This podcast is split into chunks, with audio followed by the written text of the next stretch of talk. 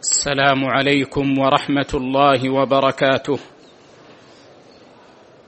إن الحمد لله نحمده ونستعينه ونستغفره ونعوذ بالله من شرور أنفسنا ومن سيئات أعمالنا. من يهد الله فلا مضل له ومن يضلل فلا هادي له. وأشهد أن لا إله إلا الله وحده لا شريك له وأشهد أن محمدا عبده ورسوله. يا أيها الذين آمنوا اتقوا الله حق تقاته ولا تموتن إلا وأنتم مسلمون.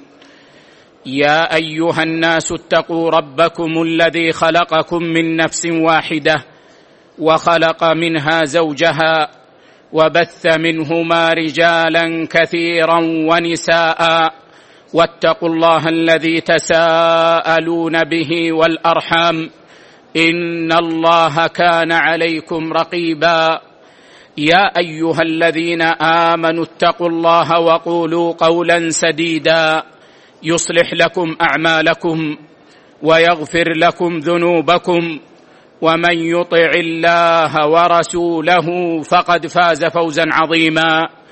أما بعد فإن خير الحديث كتاب الله وخير الهدي هدي محمد صلى الله عليه وسلم وشر الأمور محدثاتها وكل محدثة بدعة وكل بدعة ضلالة وكل ضلالة في النار.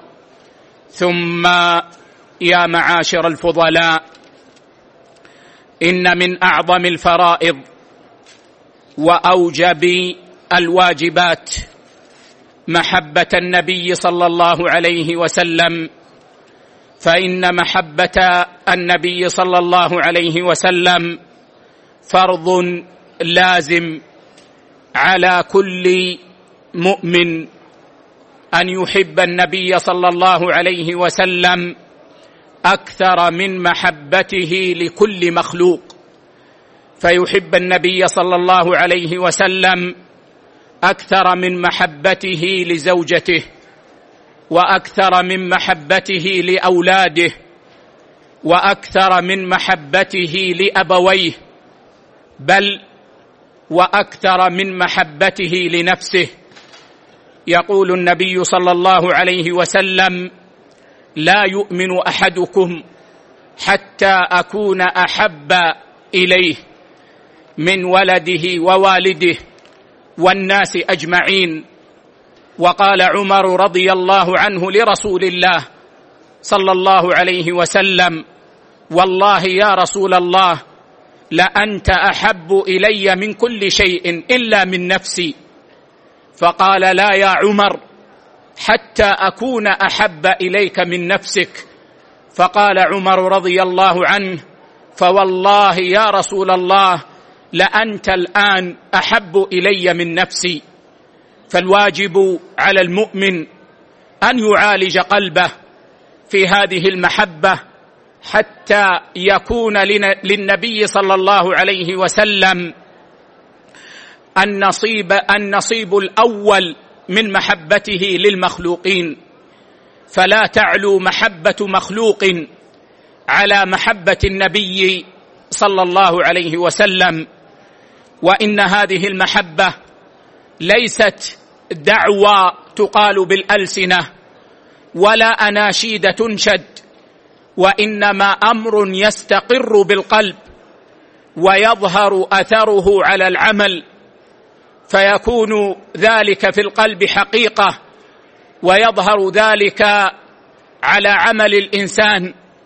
فيكون حب النبي حب النبي صلى الله عليه وسلم مقتضيا من العبد أن يحب سنة النبي صلى الله عليه وسلم وأن يحب ما أحب النبي صلى الله عليه وسلم.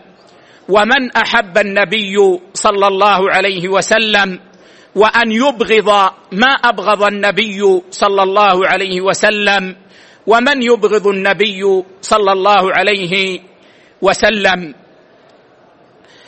فيكون المؤمن تبعا لمحبة حبيبه صلى الله عليه وسلم فيما فيما يحب ويبغض. ومن أعظم مقتضيات محبة النبي صلى الله عليه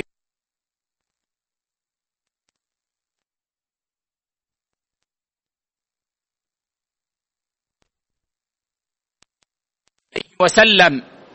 ومن ذلك أن النبي صلى الله عليه وسلم أمر المؤمن بأن يلتزم سنته وأن يحيي سنته فقال صلى الله عليه وسلم فإن من يعش منكم بعدي فسيرى اختلافا كثيرا فعليكم بسنتي وسنة الخلفاء الراشدين المهديين تمسكوا بها وعضوا عليها بالنواجذ.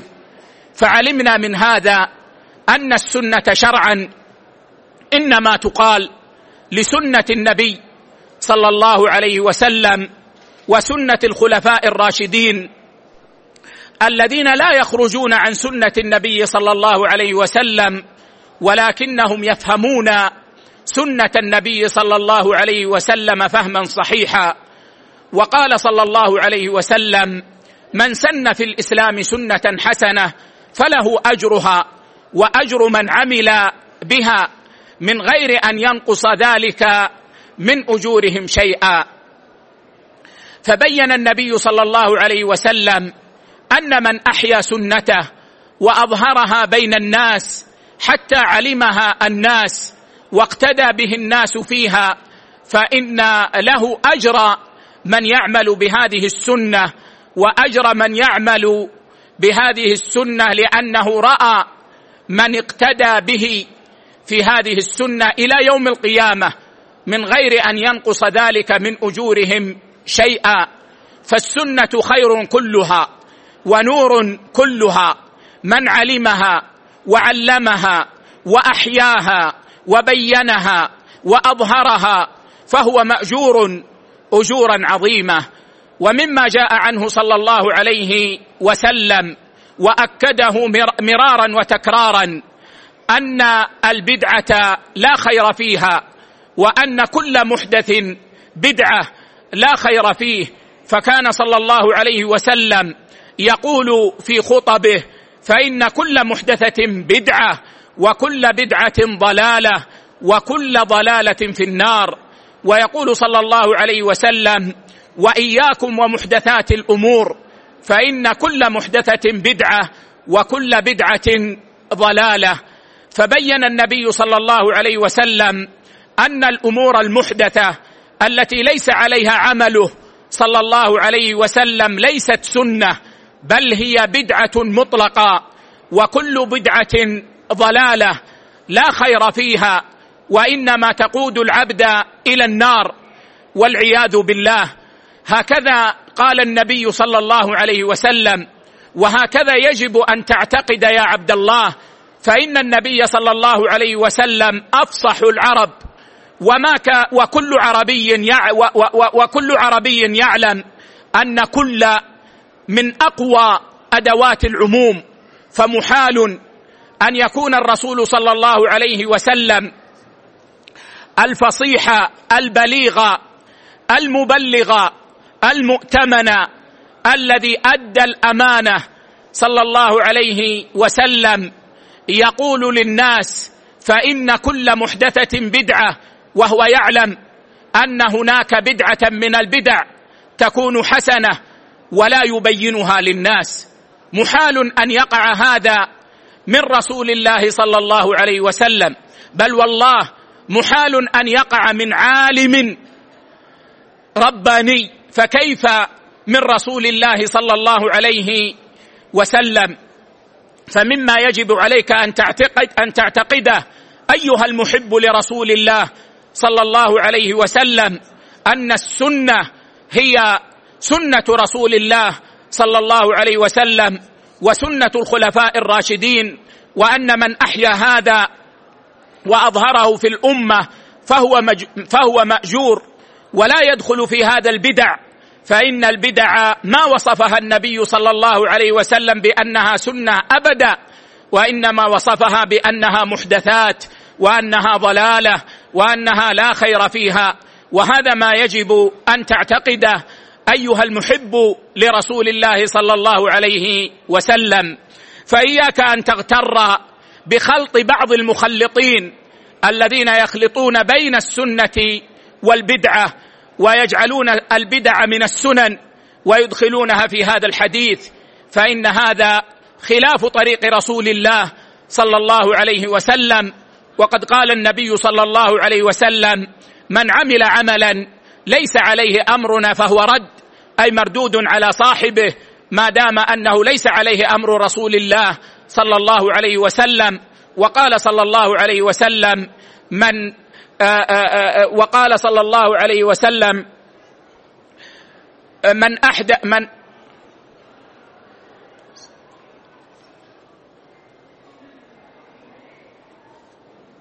ما هو لفظ الحديث؟ من أحدث في أمرنا هذا ما ليس منه فهو رد. فالنبي صلى الله عليه وسلم بين بيانا شافيا أن المحدث والعامل بالمحدث. لا يقبل أمره ولا يقبل عمله بل هو مردود آه، عمله مردود على صاحبه. فينبغي على المؤمن أن يتقي الله وأن يحقق محبته لرسول الله صلى الله عليه وسلم ومن مقتضيات محبة رسول الله صلى الله عليه وسلم أن تعتقد اعتقادا جازما أنه صلى الله عليه وسلم ما مات إلا وقد بلغ الدين تمام البلاغ ولم يترك من الدين شيئا إلا بينه لأن الله عز وجل يقول اليوم أكملت لكم دينكم وأتممت عليكم نعمتي ورضيت لكم الإسلام دينا فالنبي صلى الله عليه وسلم قد بين هذا الدين الكامل ولم يبق من الدين شيء يتقرب به إلى الله عز وجل لم يبينه النبي صلى الله عليه وسلم.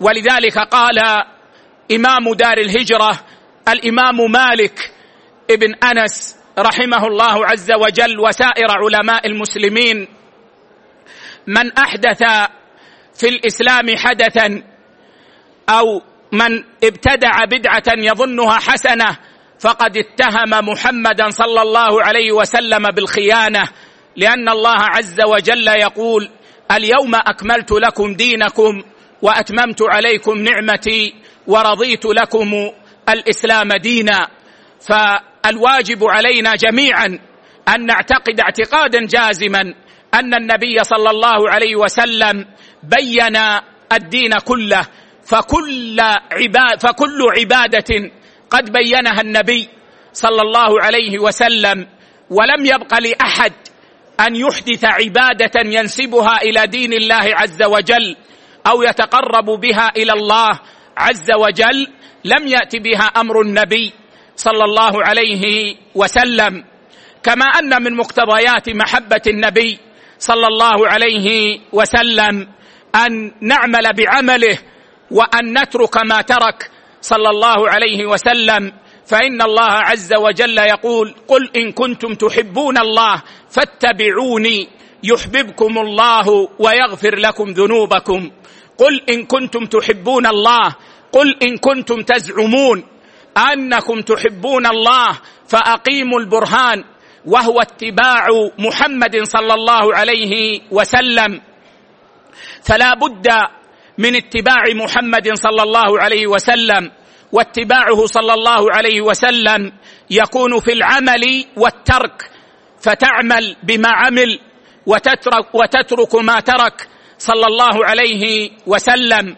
ولا تحدثك نفسك بأن تعمل عملا تتقرب به إلى الله لم يرد به أمر رسول الله صلى الله عليه وسلم ومن مقتضيات محبة النبي صلى الله عليه وسلم أن تعتقد أيها العبد اعتقادا جازما أن النبي صلى الله عليه وسلم سبق الناس في العمل صلى الله عليه وسلم فهو أكرم خلق الله وأكرم عباد الله. ولا شك أن أكرم عباد الله إنما هو أتقاهم وأتقاهم هو محمد صلى الله عليه وسلم. فلن يسبق أحد محمدا صلى الله عليه وسلم إلى التقى والهدى.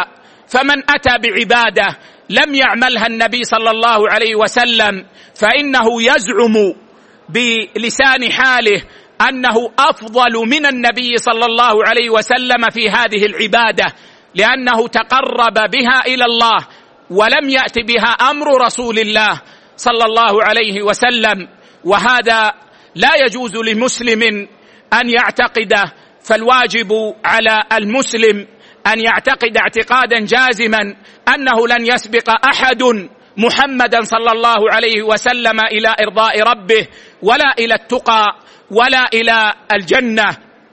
وهذا يقتضي منا جميعا عباد الله أن نلزم سنة رسول الله صلى الله عليه وسلم وإنك لتعجب من أقوام عندهم سنة النبي صلى الله عليه وسلم الواضحة البينة التي لا شك فيها ولا ريب فيها.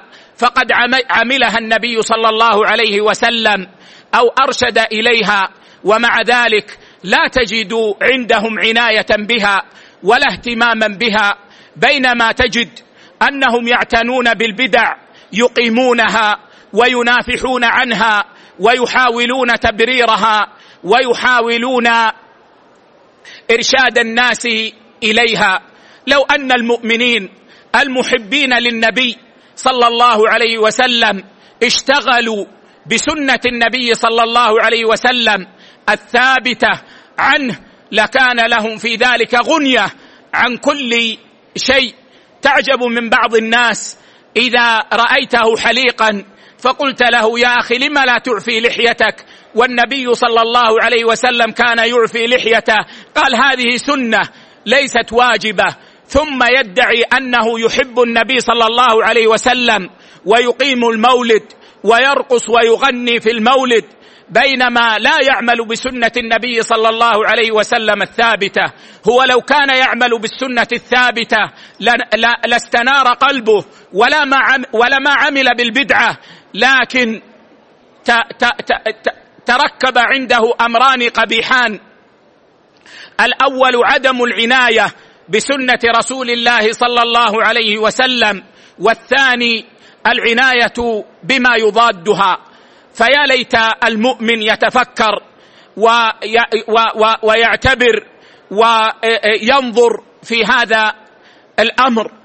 ف وإن شاء الله عز وجل في درس قادم سنتكلم عن المولد ونبين الوجوه الشرعية التي تدل على حكم المولد بحول الله وقوته.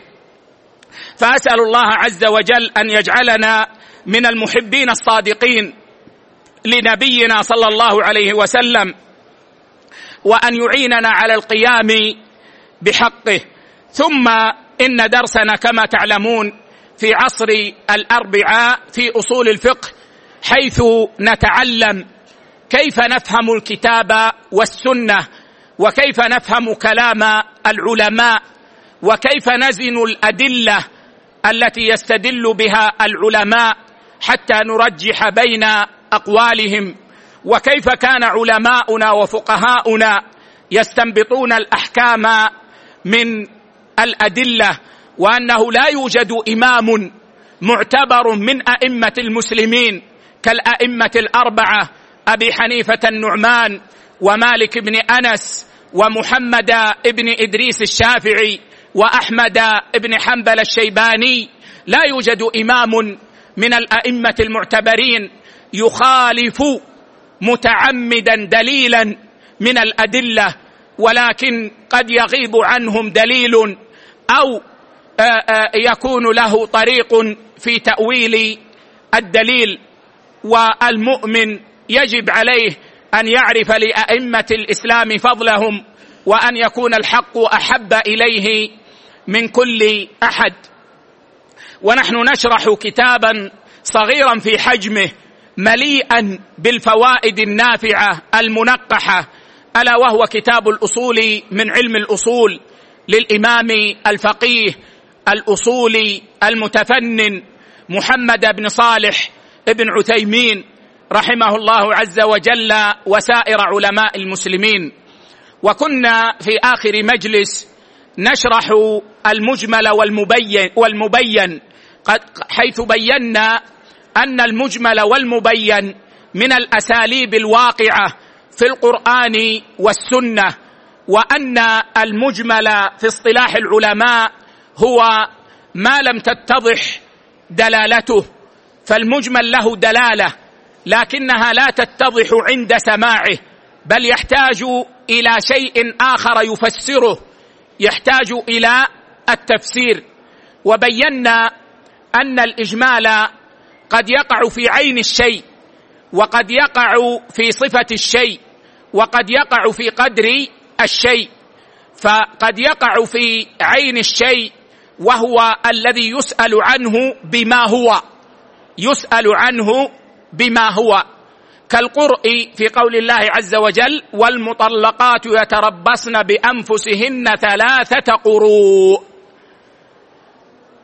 هنا تقول ما القرء ما هو القرء والجواب أن القرء لفظ مشترك. يطلق على الطهر ويطلق على الحيض. وقد فسره بعض العلماء بالطهر وفسره بعض العلماء بالحيض.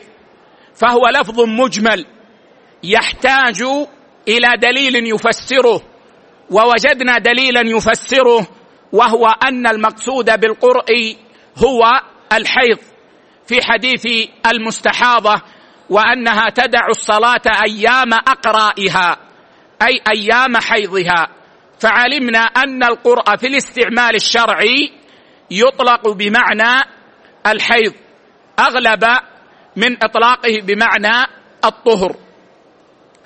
وأما آه، ما يكون الإجمال فيه في وصفه فهو الذي يسأل عنه بكيف. كقول الله عز وجل وأقيموا الصلاة. وأقيموا الصلاة. الصحابة عندما سمعوا هذه الآية فإنهم ما كانوا يعرفون كيف يقيمون الصلاة لأن صفة الصلاة لم تبين لهم. لم تبين لهم. وكذلك عند قول الله عز وجل وآتوا الزكاة. فإن الزكاة لم تبين لهم عند نزول هذه الآية فكان يصح أن يقال كيف نؤتي الزكاة كيف نصلي؟ فهذا إجمال بالوصف وقد جاء البيان بعد ذلك. وأما الإجمال في القدر فهو الذي يسأل عنه بكم الذي يسأل عنه بكم كما في قول الله عز وجل وآتوا الزكاة. كم نخرج؟ لا يظهر من هذه الآية فيحتاج إلى بيان. وقد جاء بيانه بعد ذلك. وبينا المبين وقلنا إن المبين هو ما اتضحت دلالته فكانت دلالته متضحة. إما بنفسه حيث يفهم المراد منه عند سماعه وإما بغيره. وذلك في المجمل إذا بين. فإنه يصبح مبينا بغيره بالأدلة الأخرى. وأحسب أن وقفنا عند الكلام عن العمل بالمجمل. فلعلنا نواصل الشرح ونبين بعض ما أراده الشيخ فيما سطره في هذا الكتاب. فيتفضل الشيخ الدكتور ياسين يقرأ لنا من حيث وقفنا. الحمد لله الصلاة والسلام الأتمان الأكملان على خير خلق الله وعلى آله وصحبه ومن والاه. اللهم صل وسلم. أما بعد يقول الشيخ ابن عثيمين رحمة الله عليه والنبي صلى الله عليه وعلى آله وسلم قد بين لأمته جميع شريعته أصولها وفروعها. حتى ترك الأمة على شريعة بيضاء نقية ليلها كنهارها. نعم. تقدم معنا يا إخوة أن المجمل لا يمكن العمل به لأن المراد منه لم يتضح. ولذلك لم يكلف الصحابة بالعمل بالمجمل عند سماعه. لكن الواجب على الصحابة رضوان الله عليهم عند سماع المجمل عقد العزم على العمل به متى؟ ما بين. فعندما نزل قول الله عز وجل وأقيموا الصلاة فإن الصحابة ما كانوا يعرفون كيف يصلون. فكان الواجب عليهم أن يعقد الواحد منهم العزم في قلبه على أنه يقيم الصلاة متى ما بين له كيف يصلي. ثم نقلنا الشيخ إلى أمر عظيم. وهو أن زمن الإجمال هو زمن الوحي. هو زمن وجود النبي صلى الله عليه وسلم. وهذا الذي عليه جماهير العلماء أنه لم يبق مجمل بعد وفاة النبي صلى الله عليه وسلم. بل كل مجمل ورد في القرآن والسنة بين في حياة النبي صلى الله عليه وسلم. وذلك لأن الله عز وجل قد أكمل الدين. كما قال سبحانه اليوم أكملت لكم دينكم وأتممت عليكم نعمتي ورضيت لكم الإسلام دينا. ولو بقي شيء يحتاج إلى بيان لما كان الدين كاملا. فعلمنا بهذا أنه لم يبق مجمل. بعد وفاة النبي صلى الله عليه وسلم بل ربنا سبحانه وتعالى بين لنا كل الدين وبين لنا كل مجمل في القرآن أو في سنة رسول الله صلى الله عليه وسلم. والله عز وجل بين لنا بالوحي كل شيء كما قال الله عز وجل ونزلنا عليك الكتاب تبيانا لكل شيء ونزلنا عليك الكتاب تبيانا لكل شيء. فالكتاب الذي هو القرآن فيه تبيان كل شيء إما بالتفصيل وإما بالتأصيل. فما بقي شيء إلا وقد بينه الله عز وجل. أما الدين والعبادة وما يتقرب به إلى الله فقد بينه الله على وجه التفصيل. ولم يبق منه شيء يحتاج إلى بيان. وأما ما وراء ذلك فقد يكون ورد في القرآن على وجه التأصيل وقد يكون ورد على وجه التفصيل. وقد قلت لكم مرة إني سمعت من شيخنا الشيخ ابن عثيمين رحمه الله في عدد من المجالس أن عالما غير مسلم قال لعالم مسلم إنكم تقولون إن في القرآن تبيان كل شيء. فقال نعم ربنا يقول ذلك. فقال فأخبرني كيف يصنع هذا الطعام. وكان في مطعم. فقال الأمر يسير. فنادى صاحب المطعم. فقال كيف تصنعون هذا الطعام؟ فقال نصنعه كذا وكذا وكذا. قال اسمع.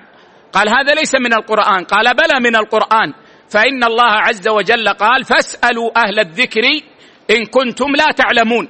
فعلمني الله عز وجل أني إذا كنت لا أعرف شيئا أسأل عنه أهل الخبرة وأهل الفن فيه. وهذا فقه دقيق لما في القرآن. أيضا قال الله عز وجل وأنزلنا إليك الذكر لتبين للناس ما نزل إليهم. وأنزلنا إليك الذكر لتبين للناس ما نزل إليهم. فالذكر هو سنة النبي صلى الله عليه وسلم. وقد بين النبي صلى الله عليه وسلم ما نزل إلينا في القرآن أو بالوحي بيانا شافيا كافيا. وهذا يدل دلالة واضحة بينة على أنه لم يبق مجمل بعد وفاة النبي صلى الله عليه وسلم. وقال الله سبحانه وتعالى لنبيه صلى الله عليه وسلم لا تحرك به لسانك لتعجل به إن علينا جمعه وقرآنه فإذا قرأناه فاتبع قرآنه ثم إن علينا بيانه. فبين الله عز وجل أن عليه سبحانه أن يبين القرآن وقد بين الله عز وجل القرآن بالقرآن والسنة فلم يبق مجمل. في القرآن ولا في السنة.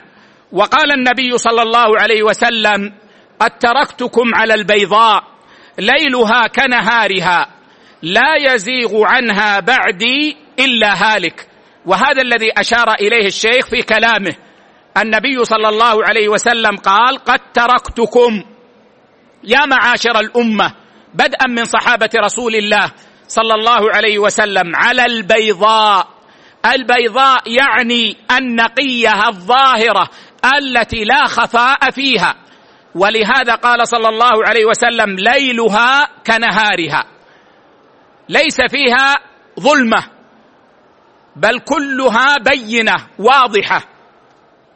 لا يزيغ عنها بعدي إلا هالك.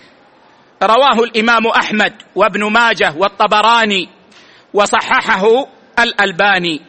فدل هذا على أن النبي صلى الله عليه وسلم ما مات إلا وقد بين لنا الدين كله وبين لنا القرآن كله وبين لنا السنة كلها فتركنا على البيضاء ليس فيها خفاء بل ليلها كنهارها.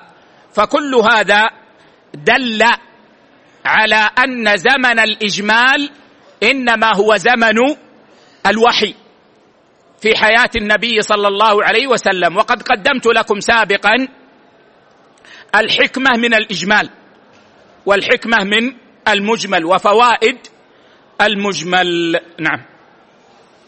قال يرحمه الله وبيانه صلى الله عليه وعلى آله وسلم إما ولم, ولم يترك. آه نعم.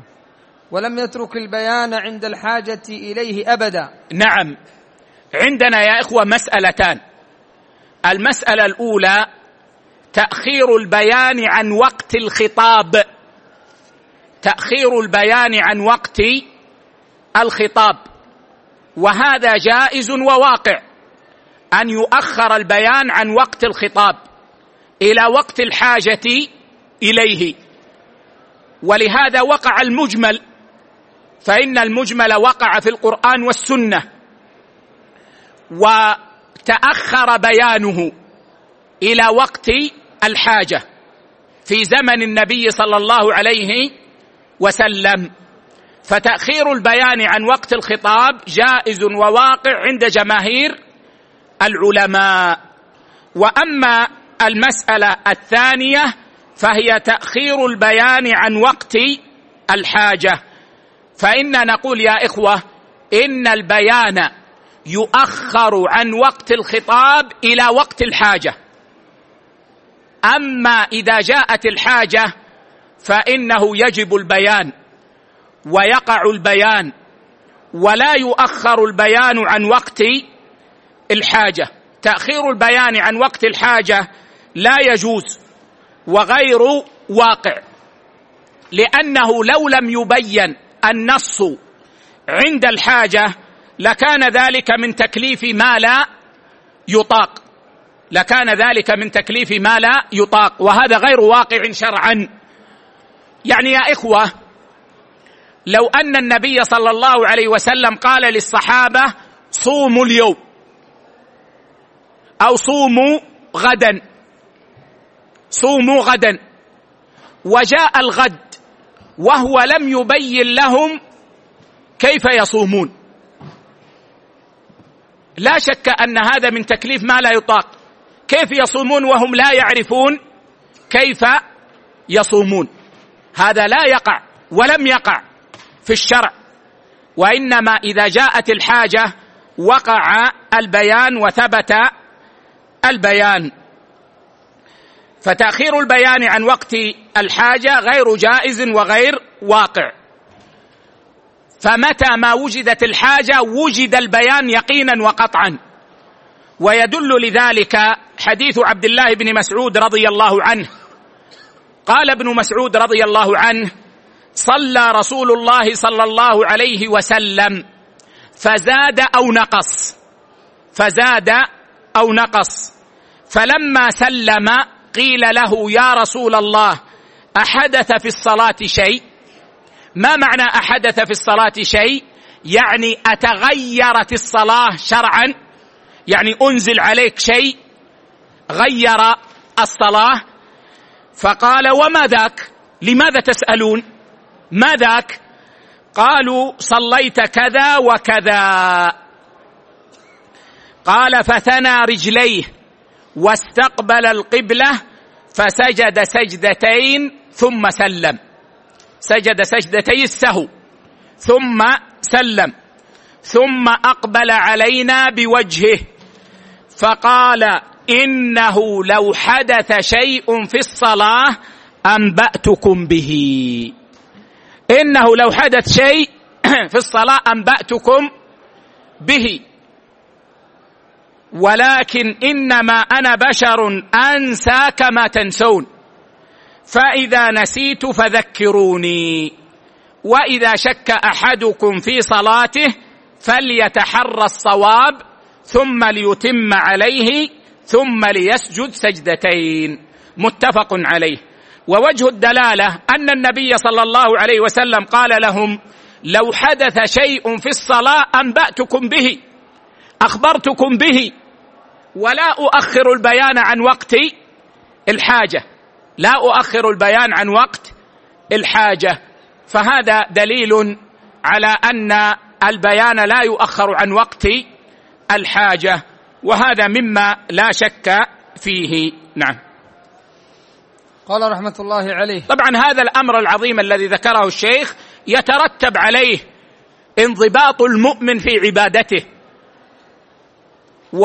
وان لا يعبد الله إلا بما جاء به رسول الله صلى الله عليه وسلم. فإن النبي صلى الله عليه وسلم بين كل شيء صلى الله عليه وسلم. نعم. قال يرحمه الله وبيانه صلى الله عليه وعلى آله وسلم إما بالقول أو بالفعل أو بالقول والفعل جميعا. البيان قد يكون بالقول. وهذا قد اتفق عليه العلماء.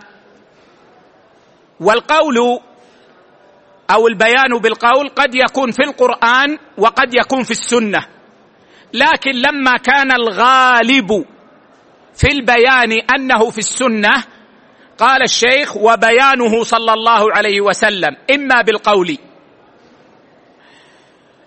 فالبيان بالقول يا إخوة يوجد في القرآن ويوجد في السنة. يوجد في القرآن ويوجد في السنة. مثلا قول الله عز وجل يا أيها الذين آمنوا كتب عليكم الصيام كما كتب على الذين من قبلكم. بين الصيام بالقول في القرآن وفي السنة. فبين لنا كيف نصوم في آيات الصيام. وبين لنا كيف نصوم في أحاديث كثيرة عن رسول الله صلى الله عليه وسلم. ويدخل في البيان بالقول من رسول الله صلى الله عليه وسلم البيان بالكتابة. البيان بالكتابة من الرسول صلى الله عليه وسلم بيان بالقول. لماذا؟ لأن النبي صلى الله عليه وسلم كان اميا. كان لا يقرأ ولا يكتب صلى الله عليه وسلم. طيب إذا كتب الكتب ماذا يفعل؟ يأمر كاتبا فيكتب. طيب إذا أمره أن يكتب كيف يكتب الكاتب؟ يملي عليه يقول صلى الله عليه وسلم والكاتب يكتب. اذا كتب النبي صلى الله عليه وسلم من البيان بالقول. كتب النبي صلى الله عليه وسلم من البيان بالقول. لأن النبي صلى الله عليه وسلم كان يمليها على الكتبة. وهذا كما في كتاب النبي صلى الله عليه وسلم عن الصدقات. كما في كتاب النبي صلى الله عليه وسلم عن الصدقات فإنه من البيان بالقول. وقد يكون البيان بالفعل. قد يكون البيان بالفعل.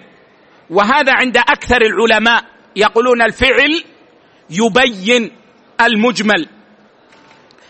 وستأتي الأمثلة إن شاء الله. ويدخل فيه البيان بالإشارة فإن الإشارة فعل وقد يبين النبي صلى الله عليه وسلم بالإشارة كما جاء عن النبي صلى الله عليه وسلم أنه قال إنا أمة أمية لا نكتب ولا نحسب الشهر هكذا وهكذا.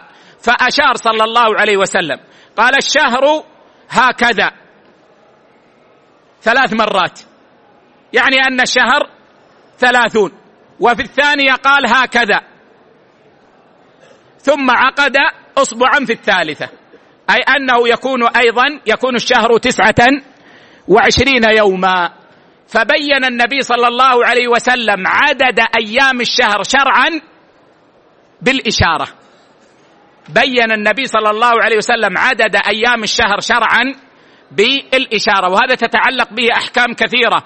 من الصيام والعدد وغير آه، آه، آه، ذلك. ف وقد يكون البيان بالقول والفعل لأمر واحد فيبين النبي صلى الله عليه وسلم بقوله وفعله. طيب ما المبين منهما؟ هل هو القول أو الفعل؟ نقول إن تقدم الفعل فالمبين الفعل والقول مؤكد. وإن تقدم القول فالمبين القول والفعل مؤكد. وإن اجتمعا كان البيان بهما جميعا. كان البيان بهما جميعا. هذا أصح ما قيل في هذه المسألة. وسيمثل الشيخ لأنواع البيان بالقول والفعل وبهما معا. نعم. قال يرحمه الله مثال بيانه بالقول إخباره عن أنصبة الزكاة ومقاديرها كما في قوله صلى الله عليه وعلى آله وسلم فيما سقت السماء العشر. بيانا لمجمل قوله تعالى وآتوا الزكاة. نعم النبي صلى الله عليه وسلم بين بأقواله ما الذي يزكى من الأموال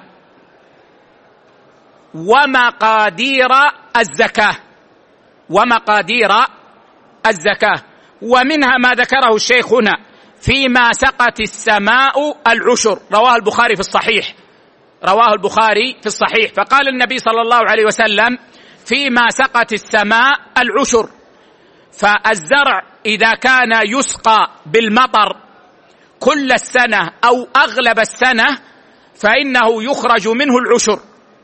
يخرج منه العشر.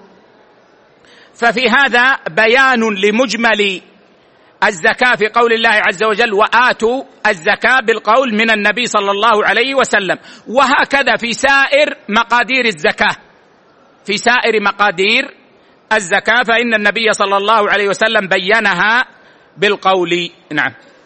قال رحمة الله عليه ومثال بيانه بالفعل قيامه بأفعال المناسك أمام الأمة بيانا لمجمل قوله تعالى ولله على الناس حج البيت نعم النبي صلى الله عليه وسلم بين لأمته الحج بأفعاله صلى الله عليه وسلم ولذلك تأخر حجه عن العام التاسع إلى العام العاشر.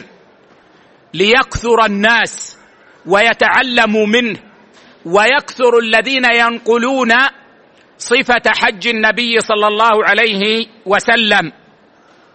وقال صلى الله عليه وسلم مخاطبا الناس في حجه لتأخذوا عني مناسككم فإني لا أدري لعلي لا أحج بعد حجتي هذه. لتأخذوا مناسككم فإني لا أدري لعلي لا أحج بعد حجتي هذه. فأمر الناس أن يتعلموا منه وأن يأخذوا منه صفة الحج. فكان هذا بيانا لقول الله عز وجل ولله على الناس حج البيت. كيف نحج؟ بينه النبي صلى الله عليه وسلم بأفعاله. كما بين لنا الطواف. الذي جاء مجملا في قول الله عز وجل وليطوفوا بالبيت العتيق. وليطوفوا بالبيت العتيق. هل نطوف شوطا واحدا؟ هل نشوط نطوف سبعة؟ هل نطوف عشرين؟ ما الذي علمنا وبين لنا فعل النبي صلى الله عليه وسلم؟ فإن النبي صلى الله عليه وسلم بين لنا كيف نطوف. وهذا بيان بالفعل. نعم. قال رحمه الله وكذلك صلاته الكسوف على صفتها. هي في الواقع بيان لمجمل قوله صلى الله عليه وعلى آله وسلم فإذا رأيتم منها شيئا فصلوا. نعم. النبي صلى الله عليه وسلم قال إن الشمس والقمر آيتان من آيات الله فإذا رأيتم منها شيئا فصلوا. وادعوا الله حتى يكشفها. متفق عليه.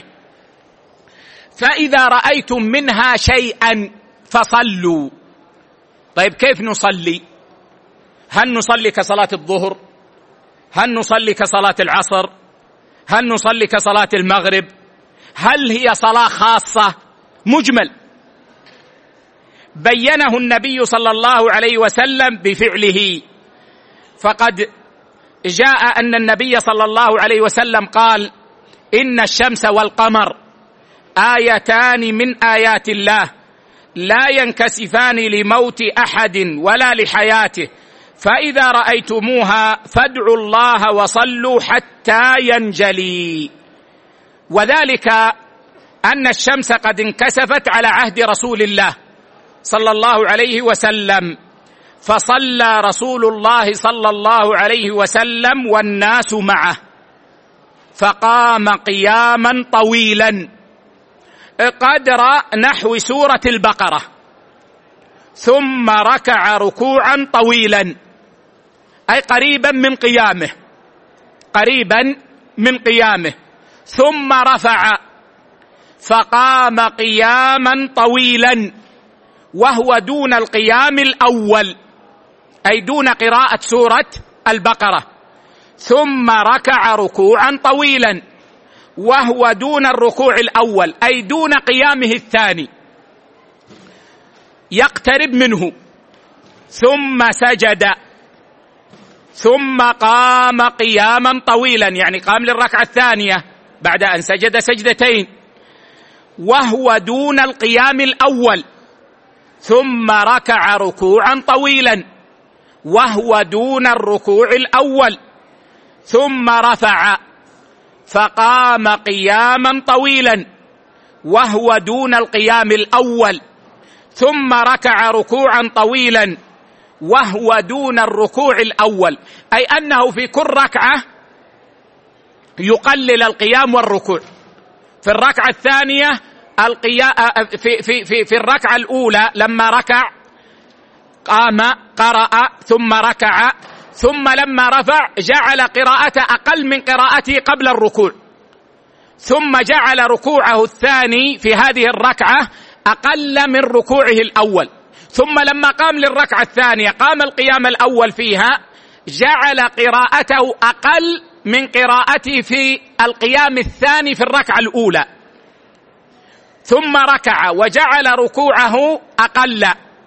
ثم رفع فقام فجعل قيامه أقل من القيام الذي قبله.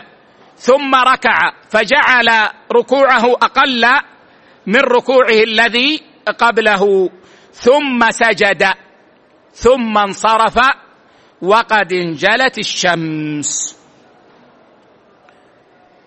وهذا هو الذي يعمل به فيما ورد عن النبي صلى الله عليه وسلم من صلاة الكسوف.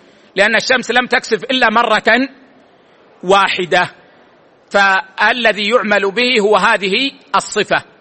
وهذا بيان للمجمل في قوله بقول صلى الله عليه وسلم صلوا. كيف نصلي؟ هكذا. كما فعل النبي صلى الله عليه وسلم. نعم. قال رحمة الله عليه ومثال بيانه بالقول والفعل بيانه كيفية بيانه كيفية الصلاة. فإن فإنه كان بالقول كما في حديث المسيء في صلاته حيث قال صلى الله عليه وعلى آله وسلم إذا قمت إلى الصلاة فأسبغ الوضوء ثم ثم استقبل القبلة فكبر. الحديث. وكان بالفعل أيضا نعم. يعني كان بيان النبي صلى الله عليه وسلم بالقول والفعل واقعا في أمر الصلاة في قول الله عز وجل وأقيموا الصلاة. فإن النبي صلى الله عليه وسلم بين الصلاة بالقول في تعليمه الرجل الذي ما كان يحسن الصلاة. كما في حديث أبي هريرة رضي الله عنه وأرضاه أن رسول الله صلى الله عليه وسلم دخل المسجد فدخل رجل فصلى. فسلم على النبي صلى الله عليه وسلم فرد أي رد عليه السلام وقال ارجع فصلي فإنك لم تصلي. فرجع يصلي كما صلى اولا ثم جاء فسلم على النبي صلى الله عليه وسلم فقال ارجع فصل فإنك لم تصلي. وفي هذا أن الإنسان إذا فارق رفيقه ولو فرقة يسيرة يشرع له أن يسلم مرة ثانية. وليس كما يقول العلاء العوام كثرة السلام تذهب المحبة. كثرة السلام توثق المحبة وتؤكد المحبة. فيشرع للإنسان إذا كان مع أخيه إذا لقي أخاه أن يسلم عليه. فإذا فرق بينهما شيء حسا فلقيه بعد ذلك ولو كان المفرق بينهما شجرة أو سيارة يشرع له أن يسلم عليه مرة أخرى. فجاء فسلم على النبي صلى الله عليه وسلم فقال ارجع فصل فإنك لم تصلي. ثلاثا أي وقع ذلك ثلاثا. فقال الرجل والذي بعثك بالحق ما أحسن غيره فعلمني. وهكذا المؤمن يحب أن يعلم مهما كان كبيرا في السن أو القدر يفرح بأن يعلم. أجمل هدية عند المؤمن أن يعلم أن يعطى هدية. المؤمن التقي حتى لو كان عالما كبيرا. وأخطأ وجاء طالب صغير ونبهه على خطئه يفرح بهذه الهدية ويجل هذا الطالب ويشكر هذا الطالب. وهكذا كل مسلم إذا جاءك طالب علم وأنت تصلي وتخطي في صلاتك وقال يا عماه رأيت عليك كذا وكذا. قل جزاك الله خيرا. افرح بهذه الهدية. بل اطلب. اطلب العلم. الآن لو كان الإنسان يعني من عوام الناس وفي حيهم طالب علم. المفترض أنه يأتي لطالب العلم يقول يا ولدي تعال اسمع مني الفاتحة. صحح لي القراءة. أنا أتوضأ كذا وكذا هل وضوئي صحيح؟ قال والذي بعثك بالحق ما أحسن غير هذا فعلمني. فقال صلى الله عليه وسلم إذا قمت إلى الصلاة فكبر. هذه تكبيرة الإحرام. ثم اقرأ ما تيسر معك من القرآن. ولم يقل له اقرأ الفاتحة لأنه عامي. أعرابي يظهر عليه الجهل فلعله لا يحفظ الفاتحة فقال ثم اقرأ ما تيسر معك من القرآن. ولأن الغالب أن أول ما يحفظه المسلم هو الفاتحة فهو الذي يتيسر عنده. ولذلك ليس فيه دليل للحنفية أن الفاتحة ليست متعينة بل يقرأ بأي شيء. ثم اقرأ ما تيسر معك من القرآن. ثم اركع حتى تطمئن راكعا.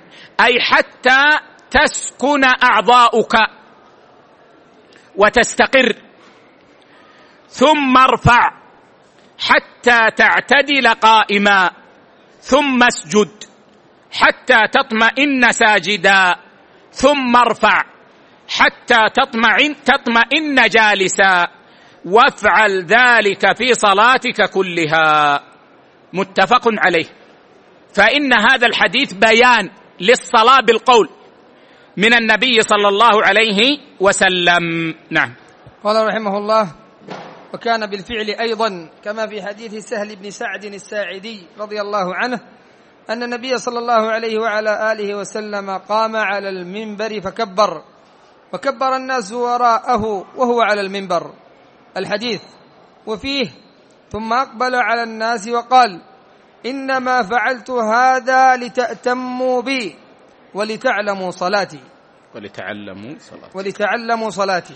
في حديث سهل بن سعد الساعدي رضي الله عنه قال أرسل رسول الله صلى الله عليه وسلم إلى فلانة امرأة من الأنصار قد سماها سهل مري غلامك النجار أن يعمل لي أعوادا أجلس عليهن إذا كلمت الناس. كان النبي صلى الله عليه وسلم يخطب على جذع جذع نخلة. وكان هناك امرأة من الأنصار لها غلام نجار ماهر واستأذنت النبي صلى الله عليه وسلم أن تصنع له أعوادا. فأرسل النبي صلى الله عليه وسلم لها يأذن في هذا. وقال مري غلامك النجار أن يعمل لي أعوادا أجلس عليهن إذا كلمت الناس. فأمرته فعملها من طرفاء الغابة. ثم جاء بها. فأرسلت إلى رسول فأرسلت إلى رسول الله صلى الله عليه وسلم. أو فأرسلت إلى رسول الله صلى الله عليه وسلم فأمر بها فوضعتها هنا أي في المسجد. قال ثم رأيت رسول الله صلى الله عليه وسلم صلى عليها وكبر وهو عليها ثم ركع وهو عليها ثم نزل القهقرى فسجد في أصل المنبر. لأنه ما يستطيع أن يسجد على المنبر. ثم عاد فلما فرغ أقبل على الناس فقال أيها الناس إنما صنعت هذا لتأتموا بي ولتعلموا صلاتي. إنما صنعت هذا لتأتموا بي ولتعلموا صلاتي. متفق عليه. فكان هذا بيانا من النبي صلى الله عليه وسلم لصفة الصلاة بفعله. فهو بيان لقول الله عز وجل وأقيموا الصلاة وهكذا فعل السلف فإنهم كانوا يبينون الأحكام بالفعل. ولذلك من المناسب للشيخ إذا تيسر له أن يعلم طلابه أحيانا بالفعل. مثلا لو كان في مجلس في غير المسجد و و وأراد أن يعلمهم الوضوء من المناسب أحيانا أن يتوضأ أمامهم على الصفة الواردة. وهكذا في الصلاة. فقد صح عن عقبة رضي الله عنه قال ألا أصلي لكم كما رأيت رسول الله صلى الله عليه وسلم يصلي؟ قالوا بلى. فصلى لهم. صلى لهم كما رأى النبي صلى الله عليه وسلم يصلي. وصح عن أنس بن مالك رضي الله عنه أنه قال ألا أصلي لكم صلاة رسول الله صلى الله عليه وسلم؟ فصلى بهم صلاة حسنة لم يطول فيها. فصلى بهم صلاة حسنة لم يطول فيها. وهذه صفة صلاة النبي صلى الله عليه وسلم. كانت خفيفة في تمام. كانت حسنة خفيفة. وهكذا السنة في الصلاة. أن تكون في حسنة في تمام. أن تكون خفيفة في حسن وتمام. هكذا هي السنة وهكذا ينبغي للإمام. إلا إذا عرض للناس عارض فإنه يخفف أيضا منها كما تقدم يعني معنا في دليل الطالب. ففي هذا البيان بالقول والفعل. فتحصل عندنا أن بيان النبي صلى الله عليه وسلم للمجمل أو البيان عموما. وقع منه صلى الله عليه وسلم بالقول والفعل.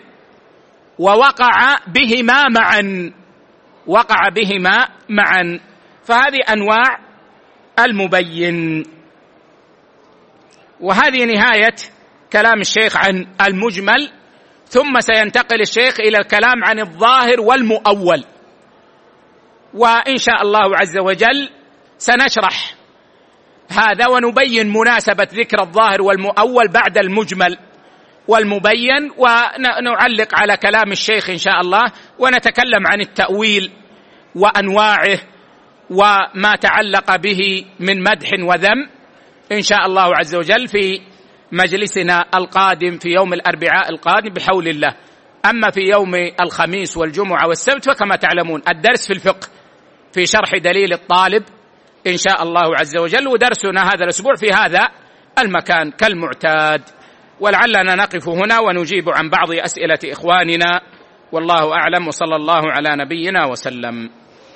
جزاكم الله خيرا وبارك فيكم ورفع قدركم في الدارين وسددكم ووفقكم وأعانكم وغفر الله لنا ولكم وللمؤمنين. آمين. أحسن الله إليكم يقول هذا السائل ما معنى المجمل يشبه العام والمطلق في لحوق البيان؟ يقول لم أفهم لحوق البيان. أليس المجمل يحتاج إلى بيان؟ لا شك أنك ستقول بلى يحتاج إلى بيان فيلحقه البيان. طيب العام ألا يلحقه تخصيص؟ المطلق ألا يلحقه تقييد؟ فالعام يلحقه التخصيص وهو نوع بيان. والمطلق يلحقه التقييد وهو نوع بيان. والمجمل يلحقه البيان وهو بيان. فاشتبه فشابه فشابه المجمل العامة والمطلقة في هذا. نعم. جزاكم الله خيرا وأحسن إليكم. هذا السائل أحسن الله إليكم عن طريق الشبكة. يقول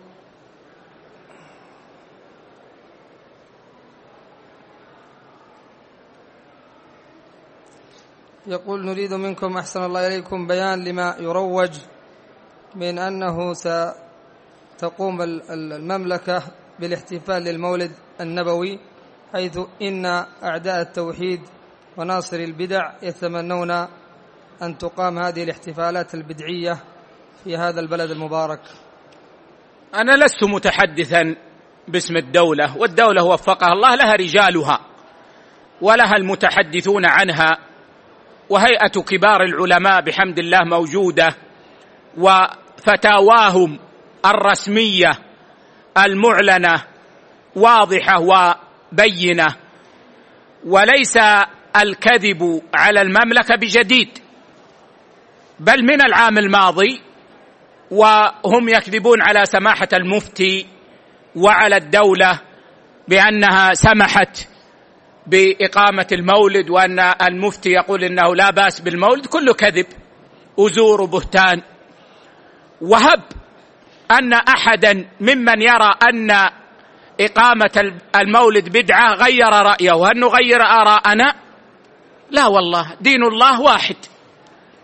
ونحن نقرر ما نعتقد أنه الدين. ليست هذه مواقف سياسية ولا موافقات لأحد. وإنما هذا الذي نعتقد أنه دل عليه الدليل الناصع الظاهر والذي أجمع عليه السلف. ولا شك أيها الإخوة أن الدولة السعودية تمر هذه الأيام بحملة إلكترونية ممنهجة متقنة بذلت فيها أموال طائلة من أجل التشكيك فيها. لا بقصد فقط المملكة وإنما القصد أهل السنة جميعا. من أجل حلحلة ما بينهم من لحمة ووقوف في وجه أهل البدع ووقوف في وجه أعداء الإسلام ومن يناصرون أهل البدع و و ويناصرون أعداء الإسلام سرا وجهرا. فهناك حملة إلكترونية مكذوبة فاجرة يقوم عليها فجرة. كشف الله سترهم وأحصاهم عددا وقتلهم بددا. من أجل تفكيك لحمة أهل السنة والجماعة في جميع بلدان المسلمين ومن أجل تشكيك أهل السنة بعضهم ببعض. ولا يفرح بهذا إلا مبتدع ولا يروجه إلا مبتدع أو جاهل. فالواجب علينا جميعا أن نحذر وأن لا نساق وراء هؤلاء بل نعلم أن هذا باطل وكذب وبهتان وأن أهل السنة بحمد الله في هذا البلد على خير وهم إن شاء الله على لحمة مع إخوانهم أهل السنة في كل مكان. نعم. جزاكم الله خيرا وأحسن إليكم. يقول هذا السائل يوجد في قريتنا مسجد وكان من ورائه قبور فأخرج فأخرج عظام الأموات وطافوها داخل المسجد. المهم يقول الإشكال هنا بعض الناس يقولون يوجد عظام والقائمون على إدارة بناء المسجد يقولون لا يوجد عظام ونزعنا كل العظام. فما حكم الصلاة في المسجد؟ إذا كانت المقبرة مقبرة مسلمين ففعلهم هذا لا يجوز.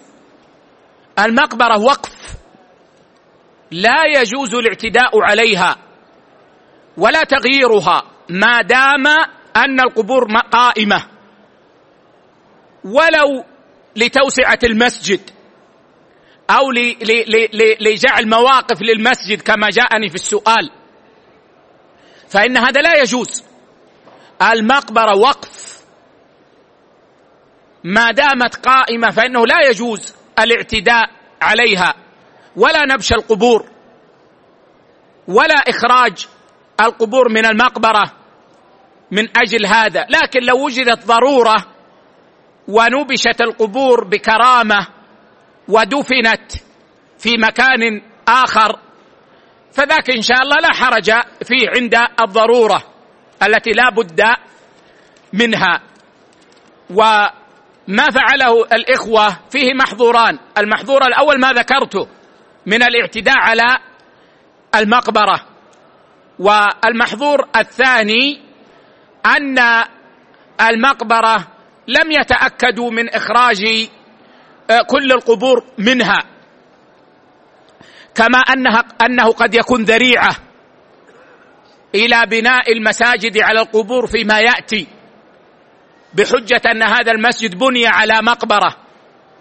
فالواجب الحذر والتنبه والرجوع إلى أهل العلم قبل فعل أي شيء. الحمد لله عندنا سماحة المفتي واللجنة الدائمة وهيئة كبار العلماء تستقبل الأسئلة من الدنيا كلها. إذا احتجتم إلى هذا إذا لم يكن عندكم في بلدكم من يقوم بهذا اكتبوا. خطابا إلى سماحة المفتي لأخذ الرأي في هذا الفعل. نعم. جزاكم الله خيرا وأحسن إليكم. هذا الزائر يقول وأقرأ رسالته كما كتب يقول أعزك الله يا شيخنا حفظك الله. بعض الوهابية في بلدنا أنكروا علينا بناء القبور على المساجد. هذا سبق. السؤال, السؤال هذا؟ هذا السؤال سبق وأجبنا عليه. بنصه. لعلي ما قراته أنا يا شيخ. طيب يا شيخ يقول ما حكم الدعاء على الملأ بلغة أخرى؟ لعله يقصد هل يجوز الدعاء بغير اللغة العربية؟ الدعاء عبادة فإن كان الإنسان يحسن العربية فإنه يدعو بالعربية.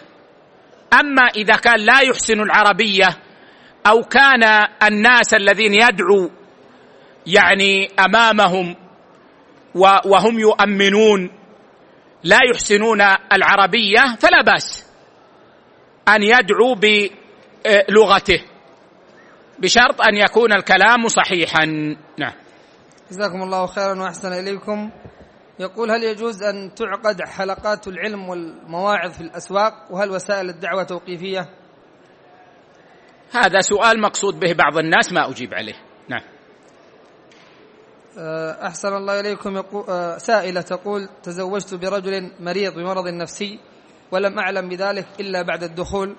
حاولت أن أصبر إلا أن المحاولات جميعا باءت بالفشل والتي امتدت أكثر من ثلاث سنوات. والآن لحقت بأهلي بعلمه. سؤالي هل يجوز لي زيارة أقاربي كأخواتي مثلا بدون إذنه؟ المرض النفسي إذا كان يؤثر على الحياة الزوجية والتعامل عيب يجب بيانه قبل العقد. ولا يجوز كتمانه. أما إذا كان لا يؤثر على الحياة الزوجية ولا على التعامل مع الزوجة فهذا مرض من الأمراض العادية التي لا حاجة إلى بيانها. أما ما يؤثر على الحياة الزوجية أو على التعامل مع الزوجة فهذا عيب يجب بيانه. وإذا كتمه الزوج وعلمت الزوجه بعد ذلك ولم تستطع أن تتعايش معه على هذا المرض ودام هذا فإن لها أن تطلب الطلاق أو تطالب بالفسخ. وإن صبرت فهو خير. تقول الأخت إنها خرجت من بيتها إلى بيت أهلها بإذنه لأنها لم تستطع أن تبقى في البيت من أجل مرضه. لكن الذي افهمه أنها لا زالت زوجة. فهل يجوز لها أن تخرج بدون إذنه؟ الجواب. إن كان بعقله فلا يجوز لها أن تخرج إلا بإذنه. لأنها لا زالت زوجة. وإن كان مريضا. أما إن كان عقله قد ذهب أو يكاد أن يكون قد ذهب فهو لا يكاد يدرك لشدة مرضه فإنها في ولاية أهلها. فإنها في ولاية أهلها. لكن الذي أفهمه أن المريض النفسي لا يفقد عقله بالكلية. وعليه ما دام أنها لا زالت زوجة فلا بد أن تستأذنه. اذنا عاما أو اذنا خاصا. نعم. جزاكم الله خيرا وأحسن إليكم. يقول هذا السائل هاجرت من فرنسا إلى دبي مع زوجتي وأولادي ثم اتصلت بأمي وهي في فرنسا لأعود بقصد الاعتناء بها لكبر لكبرها. لكبرها في السن ولها أولاد هناك لكنهم لا يعتنون بها لبعدهم عنها. هل يجوز لي الرجوع إلى بلاد الكفر من أجل الاعتناء بأمي؟ لا ما يجوز لك الرجوع ما دام هاجرت. لكن أمك تأتي لك اطلب منها أن تأتي. فإن أبت فهي التي أبت أن تعتني بها. إذا أبت أن تأتي إلى ديار المسلمين فهي التي أبت أن تعتني بها. حاول معها أن تقنعها أن تأتي معك إلى ديار المسلمين. نعم. أحسن الله إليكم. لا يسمحون له. أنا سألته. لا يسمحون له. يبحث عن بلد يسمحون له. أثابكم الله يقول هل يحمل كلام الناس المجمل على كلام المفصل أجبت عن هذا جوابا مفصلا سابقا بجميع أحواله. نعم. يقول هل يقال إن جميع الأفعال واجبة لأن فعل النبي صلى الله عليه وسلم كان بيانا لواجب مجمل في القرآن؟ هذا في الحقيقة تناقض في الكلام. المقدمة المقدمة مطلقة. والمقدمة الثانية مقيدة. والنتيجة مطلقة. وهذا ما يجوز. ما يصلح عقلا. هل نقول إن كل أفعال النبي صلى الله عليه وسلم واجبة؟ مقدمة أولى مطلقة. لأن أفعال النبي صلى الله عليه وسلم بيان لواجب. مقدمة مقيدة. لأن بيان لمجمل واجب ليس لكل مجمل. فالنتيجة أن أفعال النبي صلى الله عليه وسلم تدل على الوجوب. هذا ما يصلح. أفعال النبي صلى الله عليه وسلم بيان لمجمل. إذا كانت بيانا لمجمل تأخذ حكمها من حكم المجمل. فإن كان المجمل واجبا كان الفعل واجبا. بشرط أن يكون في أصل الصفة.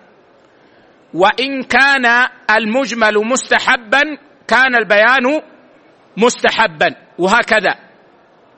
مثلا وليطوفوا بالبيت العتيق. هل كل فعل النبي صلى الله عليه وسلم في الطواف واجب لأنه بيان لمجمل واجب؟ الجواب لا. الواجب هو الطواف.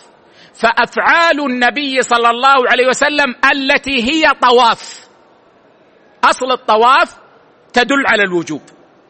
ما زاد عن مقدار أصل الطواف من أفعال النبي صلى الله عليه وسلم فهو سنن ومستحبات ولعل في هذا كفاية والله أعلم صلى الله على نبينا وسلم.